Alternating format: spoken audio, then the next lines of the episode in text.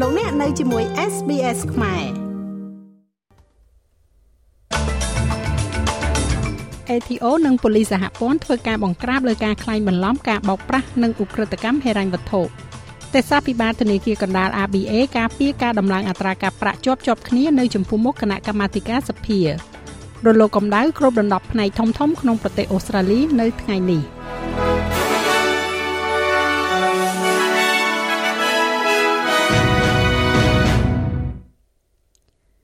ការិយាល័យពន្ធដារអូស្ត្រាលីហៅកាត់ថា ATO និងប៉ូលីសសហព័ន្ធអូស្ត្រាលីបាននិយាយថា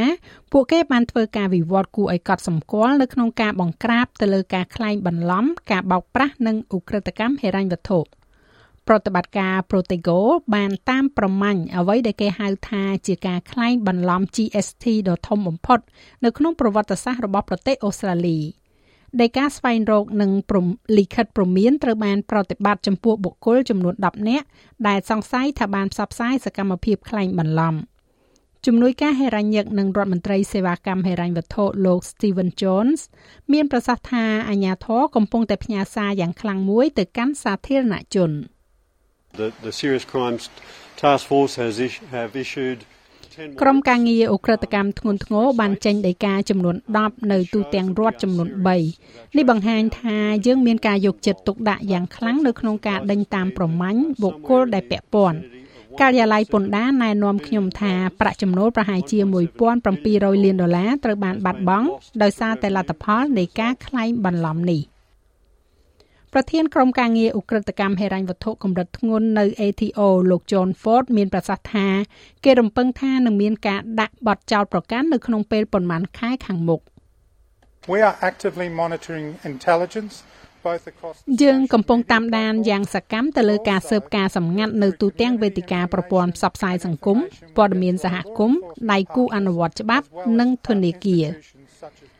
សូមបញ្ជាក់ថាជនល្មើសត្រូវបានចោទប្រកាន់ថាបានបង្កើតអាជីវកម្មคล้ายៗនិងដាក់ពាក្យស្នើសុំលេខអាជីវកម្មអូស្ត្រាលីឬហៅថា ABN คล้ายៗបន្ទាប់មកពួកគេព្យាយាមបញ្ជូនរបាយការណ៍សហកម្មភាពអាជីវកម្មដែលប្រឌិតឡើងនោះដើម្បីទទួលបាននូវការបង្វិលសង GST ដែលមិនស្មោះត្រង់។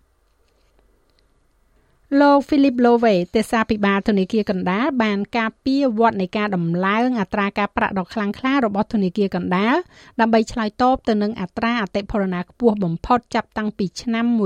1990មក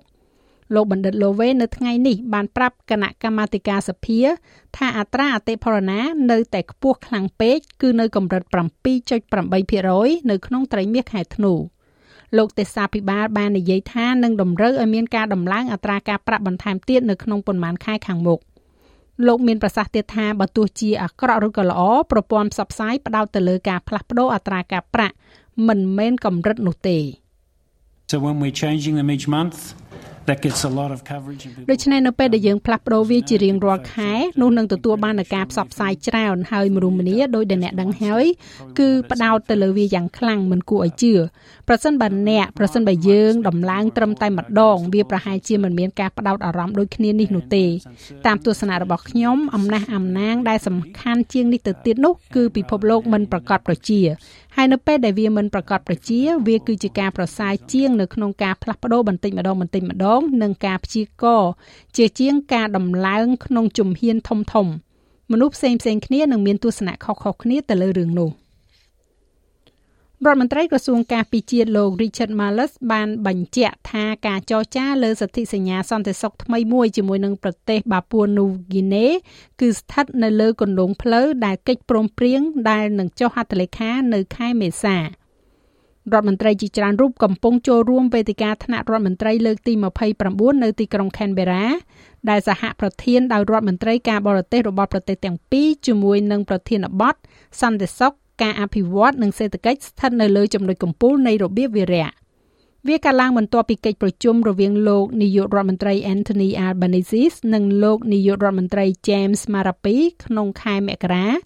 ជាទីដែលពួកគេបានបដិញ្ញាចិត្តចំពោះសន្ធិសញ្ញាសន្តិសុខទ្វេភាគី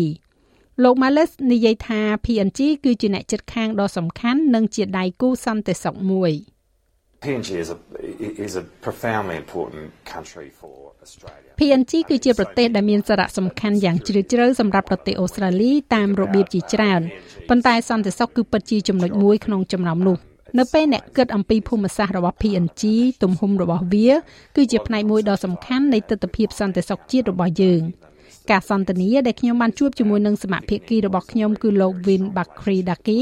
ដែលជារដ្ឋមន្ត្រីក្រសួងការពារជាតិនៅ PNG នោះគឺស្ដីអំពីការពង្រឹងនៅលើអ្វីដែលជាទំនាក់ទំនងដ៏រឹងមាំរួចទៅហើយរវាងយោធារបស់យើងទាំងពីរ។ លោកដូមីនិកប៉េរ៉ូតេអភិបាលរដ្ឋ New South Wales មានប្រសាសន៍ថាលោកនឹងគាំទ្រការហាមឃាត់ការវះកាត់បដូរភេទសម្រាប់អ្នកស្រឡាញ់ភេទដូចគ្នានៅក្នុងអំឡុងពេលសភាអាណត្តិក្រោយបើទោះជាចាញ់ឬក៏ឈ្នះឆ្នោតក្តីលោកបាននិយាយថានៅពេលដែលសភាត្រឡប់មកវិញរដ្ឋាភិបាលរបស់លោកនឹងផ្ដល់ការគាំទ្រជាគោលការណ៍សម្រាប់ច្បាប់ដែលនាំមកនូវការបញ្ចប់ការអនុវត្តដែលបង្កគ្រោះថ្នាក់ណាមួយ។ វាកើតឡើងនៅពេលដែលរដ្ឋាភិបាលសហព័ន្ធបានបញ្ជាក់ថាខ្លួនកំពុងធ្វើការដើម្បីគ្រប់គ្រងដល់ជនជាតិអូស្ត្រាលីម្នាក់នៅក្នុងប្រទេសសូម៉ាលីដែលត្រូវបានចោទប្រកាន់ថាត្រូវបានគេរត់ពន្ធទៅទីនោះតាមរយៈលិខិតឆ្លងដែនคล้ายៗសម្រាប់ការវះកាត់បដូរភេទលោក Simon Birmingham អ្នកនាំពាក្យក្រសួងការបរទេសរបស់គណៈបកប្រឆាំងបានចោទសួរទៅក្រសួងការបរទេសអំពីករណីនេះនៅក្នុងសវនាការសភាកាលពីថ្ងៃប្រហ័ស ជំនួយការលេខាធិការផ្នែកប្រតិបត្តិការកុងស៊ុលលោក Ian Jarrett បានបញ្ជាក់ថារដ្ឋាភិបាលកំពុងផ្តល់ជំនួយផ្នែកកុងស៊ុលដល់ជនជាតិអូស្ត្រាលីនៅប្រទេសសូម៉ាលី Has the department been in a position to take any action to assist this individual? តើក្រសួងស្ថិតនៅក្នុងជំហរនៃការចាត់វិធានការណាមួយដើម្បីជួយបុគ្គលនោះទេលោកជារដ្ឋឆ្លើយថាខ្ញុំអាចបញ្ជាក់ថាក្រសួងកំពុងផ្តល់ជំនួយផ្នែកកុងស៊ុលដល់ជនជាតិអូស្ត្រាលីម្នាក់នៅប្រទេសសូម៉ាលីគណៈកម្មការជាន់ខ្ពស់របស់អូស្ត្រាលីនៅទីក្រុងណៃរ៉ូប៊ីបន្តគាំទ្រជនជាតិអូស្ត្រាលីនោះទៅនឹងតាមដានសុខុមាលភាពរបស់គាត់ ឥឡូវនេះអាជ្ញាធរកំពុងតែស៊ើបអង្កេតជំវិញករណីស្លាប់របស់កម្មករអណ្ដូងរ៉ែសង្កសី2រូបនៅឯភូមិពីយប់នៃរដ្ឋ Queensland Dylan Landrick អាយុ33ឆ្នាំនិង Trevor Davis អាយុ36ឆ្នាំកំពុងតែបើកបររថយន្តអ៊ូតនៅអណ្ដូងរ៉ែ Dougal River ក្បែរទីក្រុង Cloncurry កាលពីថ្ងៃពុធទី15ខែកុម្ភៈនៅពេលដែលដីនៅក្រោមផ្លូវបាក់ធ្វើឲ្យពួកគេរអិលធ្លាក់ចុះទៅ អ្នកទាំងពីរត្រូវបានគេរកឃើញថាស្លាប់ហើយក៏បានស្ដារសាកសពយកមកវិញនៅរសៀលថ្ងៃប្រហ័សម្សិលមិញនេះ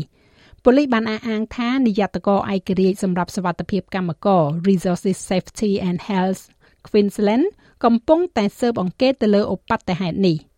របាយការណ៍មួយនឹងត្រូវបានរៀបចំសម្រាប់អ្នកវិភាគសាកសព។ គេរំពឹងថារលកកម្ដៅនឹងគ្របដណ្ដប់ផ្នែកធំធំនៅក្នុងប្រទេសអូស្ត្រាលីនៅថ្ងៃនេះនៅថ្ងៃសុក្រទី17ខែកុម្ភៈនេះដោយមានរដ្ឋចំនួន5ស្ថិតនៅលើការប្រុងប្រយ័ត្នខ្ពស់ការប្រមានជាច្រើនរួមទាំងការប្រមានអំពីអគិភ័យសំខាន់សំខាន់ផងដែរនោះត្រូវបានចេញសម្រាប់ផ្នែកខ្លះនៅរដ្ឋ New South Wales រដ្ឋ Victoria រដ្ឋអូស្ត្រាលីខាងត្បូងនិងរដ្ឋ Tasmania ផ្ទះសម្បែងនិងអគារអាគារឧស្សាហកម្មជាច្រើនត្រូវបានលេបត្របាក់រួចទៅហើយនៅឯរដ្ឋអូស្ត្រាលីខាងត្បូងបន្ទាប់ពីភ្លើងបានឆាបឆេះពេញទីក្រុង Port Lincoln គេរំពឹងថានៅទីនោះនឹងមានសីតុណ្ហភាពខ្ពស់បំផុតត្រឹមតែ25អង្សានៅថ្ងៃនេះប៉ុន្តែមានការជំរុញឲ្យប្រជាជនស្នាក់នៅក្នុងផ្ទះព្រោះផ្សែងដែលមានគ្រោះថ្នាក់នៅតែមានឥទ្ធិពលក្នុងតំបន់។ ការហាម5ទាំងស្រុងមិនឲ្យអុជបង្កាត់ភ្លើងឬហៅថា Total Fire Bans ត្រូវបានដាក់នៅទូទាំងភាគកណ្ដាលនិងភាគខាងជើងនៃរដ្ឋ Victoria ដោយសីតុណ្ហភាពរំពឹងថានឹងឡើងដល់38អង្សានៅទីក្រុង Melbourne និងរហូតដល់ទៅ42អង្សានៅ Mildura សីតុណ្ហភាពក្តៅខ្លាំងក៏ត្រូវបានគេរំពឹងទុកផងដែរសម្រាប់រដ្ឋ New South Wales ដោយរដ្ឋនេះទំនងជានឹងឃើញថ្ងៃដ៏ក្តៅបំផុតមួយនៅរដូវក្តៅនេះ។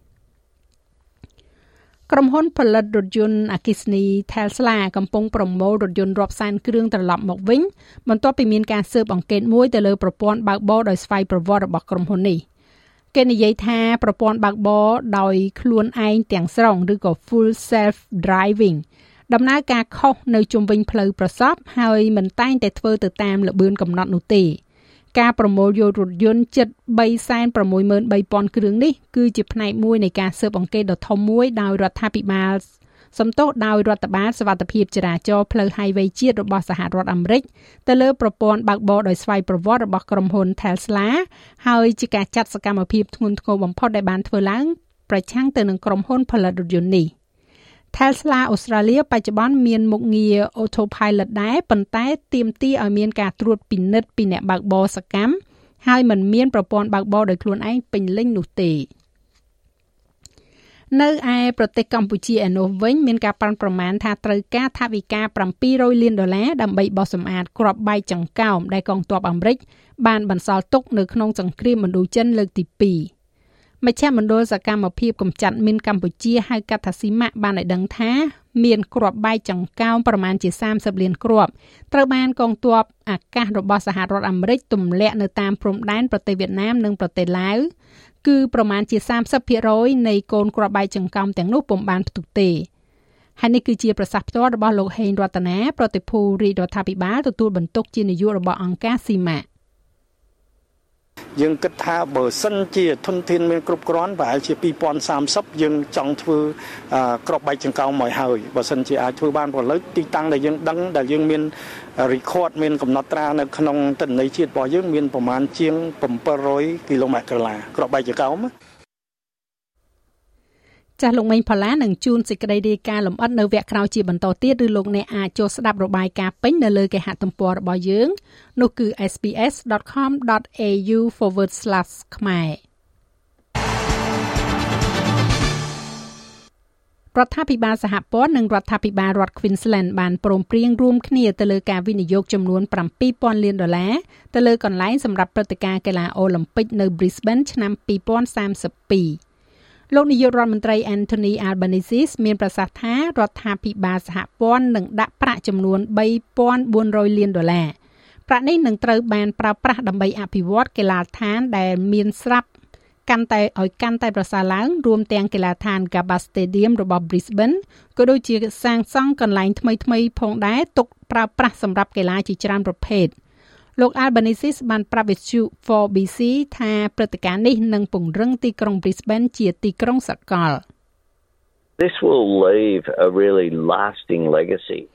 វានឹងបន្សល់ទុកនៅកេរដំណែលដ៏យូរអង្វែងសម្រាប់រដ្ឋ Queensland ហើយវាគឺជាការវិនិយោគមួយប៉ុន្តែវាជាការវិនិយោគដែលនឹងផ្ដល់ផលត្រឡប់មកវិញជាមួយនឹងការកើនឡើងនៅសកម្មភាពសេដ្ឋកិច្ចការកើនឡើងនៃភ្ញៀវទេសចរនៅទីនោះ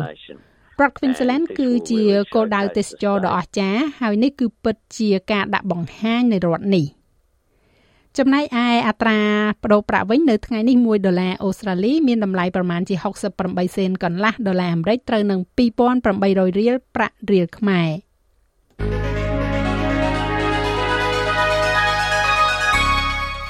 ឥឡូវយើងក៏លេខមកមើលការព្យាករណ៍អាកាសធាតុសម្រាប់ថ្ងៃសៅរ៍ស្អែកនេះវិញ។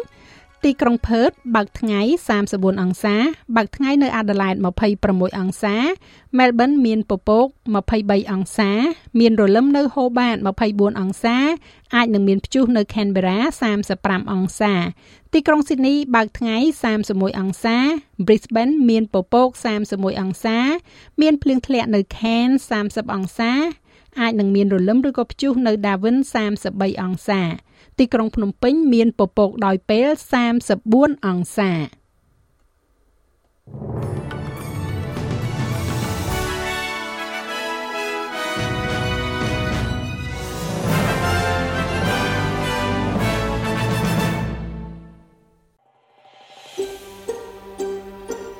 ចង់ស្ដាប់រឿងក្រៅបែបនេះបន្ថែមទៀតទេ ស្ដាប់នៅលើ Apple Podcast Google Podcast Spotify ឬកម្មវិធីដទៃទៀតដែលលោកអ្នកមាន។